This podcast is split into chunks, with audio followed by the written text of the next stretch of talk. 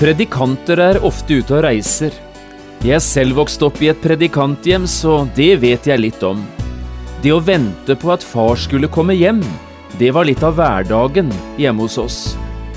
Men det å vente, det har jeg dermed alltid forbundet med noe godt, noe positivt. Det var jo far som skulle komme hjem. Og litt av den samme følelsen kjenner jeg på når jeg tenker på dette at Jesus kommer.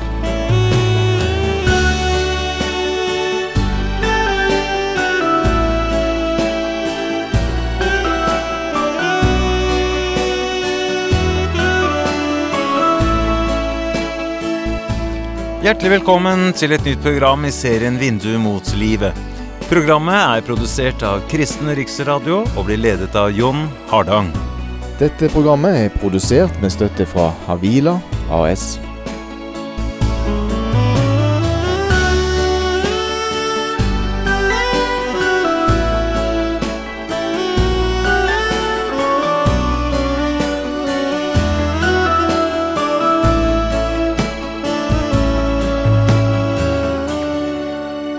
Vi skal i dag finne fram til Lukasevangeliet i Bibelen, og der lese et avsnitt sammen fra kapittel 12. Her snakker Jesus til sine disipler om sin gjenkomst, og prøver å fortelle dem litt om hvordan de nå skal oppføre seg mens de venter, og hva de skal bruke ventetiden til. Dette er det fjerde programmet i bibelundervisningsserien Gode nyheter, som tar utgangspunkt i de såkalte søndagstekstene. Vi leser fra Lukasevangeliet i kapittel 12, og vi leser avsnittet fra vers 42 til 48. Jeg har kalt dagens program Jesus kommer snart. Og Herren sa, Hvem er da den tro og kloke forvalter som Herren skal sette over husfolket sitt for å gi dem deres mat i rette tid? Salig er den tjener som Herren finner i ferd med å gjøre dette når Han kommer. Sannelig sier jeg dere, han skal sette ham over alt han eier. Men dersom denne tjeneren sier i sitt hjerte, Min Herre dryger med å komme, og han gir seg til å slå tjenerne og pikene og ete og drikke og fylle seg, da skal denne tjeners herre komme en dag han ikke venter det og i en time som han ikke vet, og han skal hogge ham i sønder og gi ham del med de vantro. Den tjener som kjente sin Herres vilje og ikke stelte i stand, eller gjorde etter hans vilje, skal få mange slag. Men den som ikke kjente den, og gjorde det som fortjente slag, han skal få færre slag. Hver den som mye er gitt, av ham skal mye kreves og den som har fått mye betrodd, av ham skal dess mer fordres.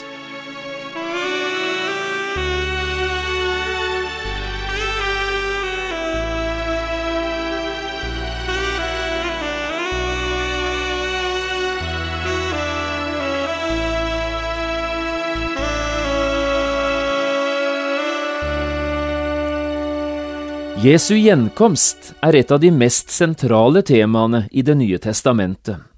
Jeg er ikke like sikker på at denne saken står like sentralt hos oss som i dag bestiger talestolene, verken i kirke eller på bedehuset. Tvert imot, jeg har ofte følelsen av at dette er et tema som mer og mer sjelden blir berørt. Ja, noen steder kan det virke som dette rett og slett er blitt et ikke-tema. Men det får i så fall katastrofale virkninger, både for kristne, men også for ikke-kristne mennesker. Blir sannheten om Jesu gjenkomst borte, ja, så forsvinner også forventningen til Jesus. Himmelen blir borte, evighetsperspektivet forsvinner, og menneskene blir i stedet jordvendte og selvopptatte. Men altså, i Bibelen, her står denne tanken sentralt Jesus kommer igjen, og han kommer snart. På mer enn 50 steder i Det nye testamentet er denne sannheten berørt, og i hvert eneste av Det nye testamentets 27 skrifter tales det om sannheten om Jesu gjenkomst. Nå vil jeg ikke bli misforstått. Det er jo ikke hvor mange ganger en sak blir nevnt i Bibelen som egentlig avgjør hvor viktig saken er.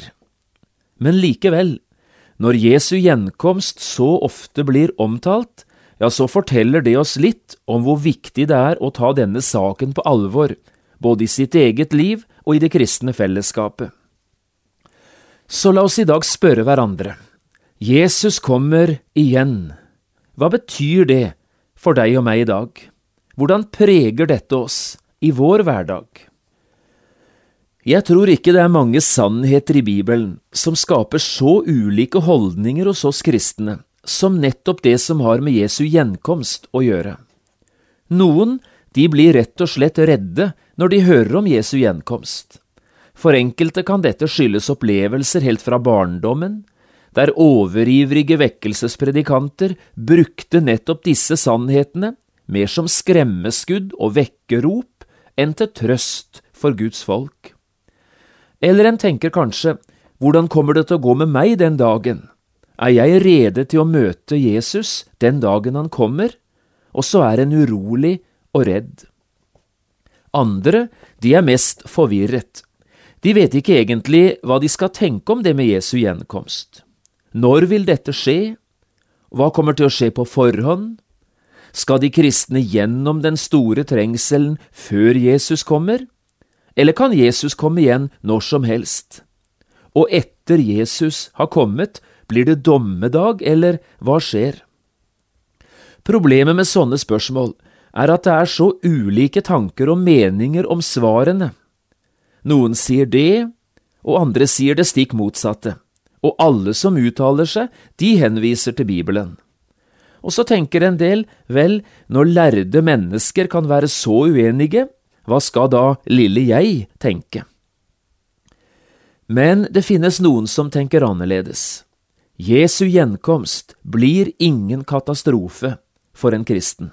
Tvert imot, den dagen Jesus kommer for å hente sine, det blir den største dagen i alle kristnes liv. Vi kan ha opplevd store og viktige ting i kristenlivet før dette, men ingenting av det som ligger bak, kommer til å overgå det som skal skje den dagen Jesus kommer. Og nettopp fordi de tenker slik, tenker positivt, nettopp derfor er tanken på Jesu gjenkomst noe som både gir trøst og inspirasjon til virkelig å leve som kristen, og til å leve rett med Gud så lenge en er i denne verden. La meg få bruke et lite eksempel. Mange predikanter er ofte ute på reise. Det vet også jeg litt om, ikke bare fordi jeg selv er predikant og reiser en del, men også fordi jeg selv vokste opp i et slikt hjem. Far var predikant og ofte ute på reise. Så det å vente på far altså at far skulle komme hjem igjen etter to eller tre uker med møtevirksomhet, det var egentlig hverdagen hjemme hos oss. Nå kan selvfølgelig det å vente være forbundet med mange forskjellige ting, men for meg var det å vente, det å vente på far, alltid noe positivt. Og grunnen til det var ganske enkel, det var jo far som skulle komme. Jeg kjente jo han som kom. Ingen ved siden av mor var så glad i meg som far, og ingen hadde gjort så mye godt for meg som det han hadde gjort. Skulle jeg så grue meg til at pappa kom hjem? Langt ifra, det gledet jeg meg til.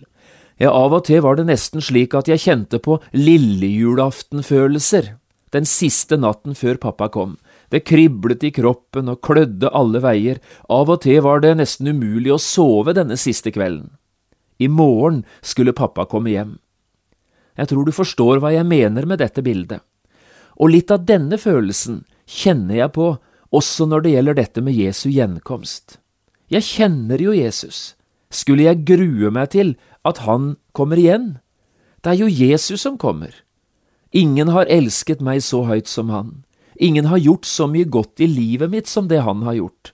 Skulle jeg grue meg til å møte en slik frelser, som har gjort så mye godt, og som kommer til å gjøre noe enda bedre den dagen han kommer. Nei, dette, det vil jeg glede meg til. Jesus selv, han sier, løft deres øyne, for deres forløsning stunder til, du har altså noe positivt i vente. og når Paulus skriver om det, bruker han et sted disse ordene, trøst da hverandre med disse ord. Og det han skriver om, det er nettopp det at Jesus kommer igjen. Den bibelteksten vi har foran oss i dag, handler altså om Jesu gjenkomst. Men det er ikke en bibeltekst som forteller oss så mye om hva som skal skje når Jesus kommer. Det får vi egentlig ikke høre noe som helst om. Derimot får vi høre mye om hvordan vi skal forholde oss til denne sannheten i vårt eget liv, og kanskje særlig hva som skjer med oss dersom vi skyver tanken bort fra oss, altså tanken Jesus kommer igjen. Det forteller Jesus, det vil få dramatiske konsekvenser. La oss se enda litt nærmere på det vi leste. Jesus forteller oss altså om en herre som overlater til en forvalter, en husholder, å ta vare på både eiendom og husfolk. Selv skulle han reise bort, dermed var det en både stor og viktig oppgave som nå ble betrodd denne forvalteren. Helt konkret skulle han sørge for å gi alle husfolkene mat i rette tid. Salig er den tjener som Herren finner i ferd med å gjøre dette når han kommer, sier Jesus. Og så knytter han et flott løfte til. Sannelig sier jeg dere, Herren skal sette ham over alt han eier. Men så spør Jesus, hva tror du vil skje med denne forvalteren, hvis han så sier til seg selv, Min Herre dryger med å komme? Jo, svarer Jesus, det vil få enorme konsekvenser, både for husfolkene, men også for forvalteren selv. Og dermed er vi midt inne i hovedsaken. Hva vil skje med de menneskene, med deg og meg, eller hva vil skje med de menighetene som skyver sannheten om Jesu gjenkomst utover sidelinjen? Ja, det er nettopp det Jesus snakker om her, og han er utrolig konkret når han nå nevner fire enkle ting. La meg få lov å ta disse fire tingene fram, én etter én. For det første, sier Jesus, en vil bli egoistisk og selvopptatt. Hør en gang til hva Jesus sier. Men dersom denne tjeneren sier i sitt hjerte, Min Herre dryger med å komme, ja, kunne vi spørre, hva skjer da? Jesus er krystallklar. Han gir seg til å slå tjenerne og pikene. Hører du hva dette er? Dette er blankpolert egoisme. Dette er selvopptatthet i øverste potens. De andre er til for min skyld, de andre skal vær så god få lov å danse etter min pipe. Og gjør de ikke det, vel, så går jeg ikke av veien for å mishandle dem. Han begynner å slå tjenerne og pikene, forteller Jesus. Dette er nok en grunnlov i Guds rike. Dersom Jesus ikke får være sentrum i ditt og mitt liv, ja, så er det en annen som kommer i sentrum. Det er meg selv. Jeg vet ikke om du legger merke til dette når du ser omkring deg også i dag. Denne egoistiske livsholdningen, der jeg, Jeiesen fra Jeiebostad, er den viktigste personen i hele verden. Ser du dette i ditt eget liv? I din egen forsamling? Eller i det norske kristenfolket? Jeg synes ikke det er vanskelig å få øye på. Jesu gjenkomst er ofte et ikke-tema, og dermed kommer denne verden, meg selv og alle mine behov, midt inn i sentrum. Vi blir egoister. Den andre virkningen er like tydelig. Det heter materialisme. Det store ordet nå, det blir å nyte. Jesus forteller oss her at det skjedde en ting til med denne tjeneren. I tillegg til å begynne å slå, tjenerne og pikene, så står det han begynner å ete og drikke og fylle seg. Ja, de ordene bruker Jesus. Dette, det er materialisten. Ser du han? Beruset av sin egen posisjon og sine nye muligheter. Beruset av alt det han nå har muligheten til virkelig å nyte. Ingen av oss, iallfall om vi har et visst kjennskap til Jesus og hans ord, er i tvil om at det er et helt annet perspektiv Jesus har når han taler om våre liv. For Jesus er ikke hovedordet å nyte, men å yte. Det er saligere å gi enn å ta, står det et sted i Bibelen. Venter du altså på Jesus? Har du tenkt deg til himmelen? Ja, så vet du at du er her i verden for de andres skyld. Hovedmålet for deg er ikke å nyte, men å yte. Det mest tragiske med livsnyteren, eller materialisten som vi leser om her, er at han er blitt avgudsdyrker. Herren selv er blitt detronisert i hans liv. Nå tilber han og dyrker han tingene omkring seg, som om det skulle være Gud. Den tredje virkningen Jesus taler om, kunne vi kalle for sløvhet eller søvn. Jesus er nokså tydelig når han fortsetter her med å beskrive tjeneren, han som sa i sitt hjerte, Min Herre dryger med å komme. Da forteller Jesus, da skal denne tjeners herre en dag komme, da han ikke venter det, i en time som han ikke vet. Også dette syns jeg er tankevekkende. Denne tjeneren hadde aldri tenkt Min Herre kommer ikke tilbake. I utgangspunktet visste han jo at en dag kommer Herren hans tilbake. Men når han skjøv denne tanken fra seg, ja, så begynner han i praksis å leve som om Herren aldri kom til å dukke opp igjen. I hodet sitt visste han at det ikke var tilfellet, men i det praktiske livet ble det helt annerledes. Han ble sløv, og til slutt sovnet han. Dette forteller Bibelen er noe av det viktigste som kjennetegner de siste tider. Tida før Jesus kommer igjen vil bli en søvnens tid og du vet hva som kjennetegner den som sover, ikke sant? For det første følger han aldri med på tiden. For det andre, han er aldri klar over sin egen stilling. Og for det tredje, han driver aldri med et skikkelig arbeid. Også dette syns jeg er en del å prøve seg på. Hva kjennetegner ditt og mitt kristenliv? Følger du og jeg med i tiden? Er du og jeg bevisst på hvor vi står? vår egen sanne stilling? Og er du og jeg opptatt med å tjene, altså gjøre et skikkelig arbeid for Herren? Er vi våkne, eller sover vi? Den fjerde og siste virkningen Jesus her taler om, er kanskje den alvorligste av dem alle. Det ender for disse, sier Jesus, med Guds dom. Jesus er preget av alvoret når han sier det på denne måten. Han skal hogge ham i sønder og gi han del med de vantro. Det hadde aldri vært Herrens hensikt, og det hadde heller ikke tjeneren ønsket seg. Og så var det slik det gikk likevel, nettopp fordi en skjøv evighetsalvoret og tankene på Jesu gjenkomst utover sidelinjen. Hør, dette må aldri skje med deg og meg, at det ender med oss som med de vantro. Det er sagt det er en himmel å vinne og en fortapelse å unnfly. Og tankene på Jesu gjenkomst og på evighetsalvoret skulle være med å holde oss varme i hjertet og våkne for hva det handler om, både når det gjelder det å være menneske og det å leve som kristen. Og kanskje vi nå mot slutten i dag skulle prøve å stille det motsatte spørsmålet, altså ikke bare hva som skjer med et menneske når tankene på Jesu gjenkomst skyves bort, men motsatt. Hva vil skje i ditt og mitt liv når dette med Jesu gjenkomst blir sentralt og viktig for oss? Også her er Bibelen krystallklar.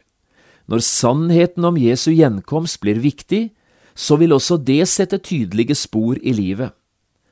La meg få nevne fire viktige ting, ganske kort, og nesten uten kommentar. For det første, du vil ikke våge å leve en dag til som ufrelst hvis du visste at Jesus en dag kommer igjen, og at han kan komme nå. Du vet nemlig, den dagen Jesus kommer, er det for sent å omvende seg. Derfor ville du omvendt deg, og du ville gjort det nå. For det andre, du ville leve i lyset med alle deler av livet ditt. Det største ønsket ville være å leve Gud til ære og andre mennesker til glede og gagn. Ja, for du visste, livet er for verdifullt til bare å skulle nyte. I stedet ville du prøve å yte, være noe, både for Gud og mennesker.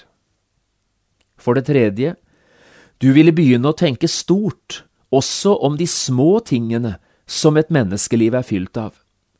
Tjeneren Jesus fortalte om, skulle jo bare ta vare på en eiendom og sørge for at husets folk fikk mat. Altså akkurat det samme som du og jeg driver med hver dag. Men for tjeneren skulle dette være hans gudstjeneste. Tenk om også du og jeg kunne prøve å tenke slik, om vårt alminnelige hverdagsliv, en gudstjeneste. Og det fjerde, trodde du virkelig at Jesus kom igjen så ville du bli en sjelevinner. Det ville bli viktig for deg, ikke bare at du selv er frelst, men også at de andre måtte bli det. De lever ikke langt borte fra deg, noen av disse som mangler det du eier, noen av dem som trenger det du har.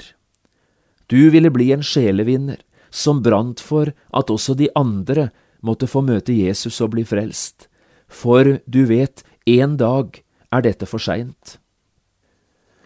Det fortelles noe fint om keiser Konstantinus.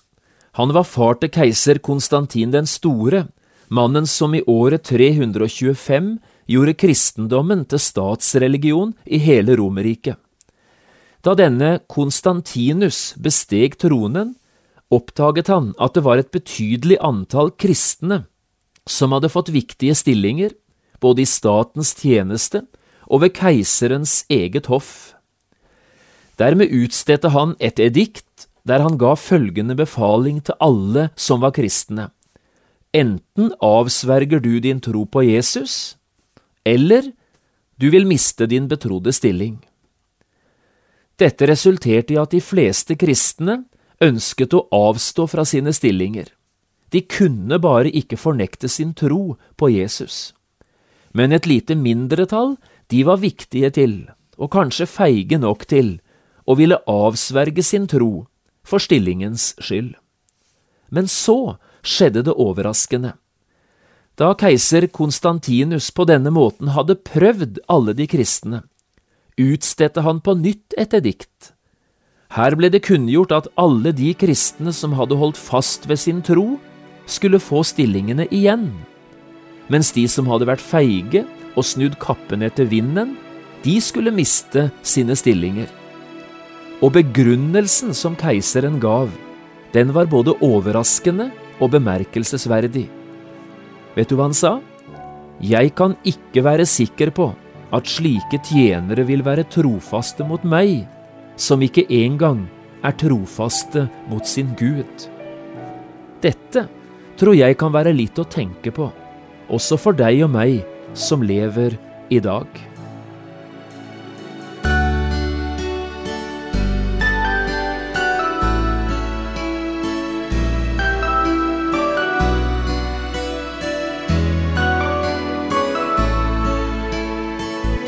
Du har lyttet til et program i serien Vindu mot livet med John Hardang. Programmene i denne serien kan også kjøpes på CD fra Kristen Riksradio, eller høres på internett på p7.no. Har du spørsmål eller kommentarer til det du nå har hørt, kan du ta kontakt med oss. Adressen er Kristen Riksradio, Skiene 2, 5353 Straume. Eller send en e-post vml alfakrøll p7.no. Takk for i dag, og på gjenhør.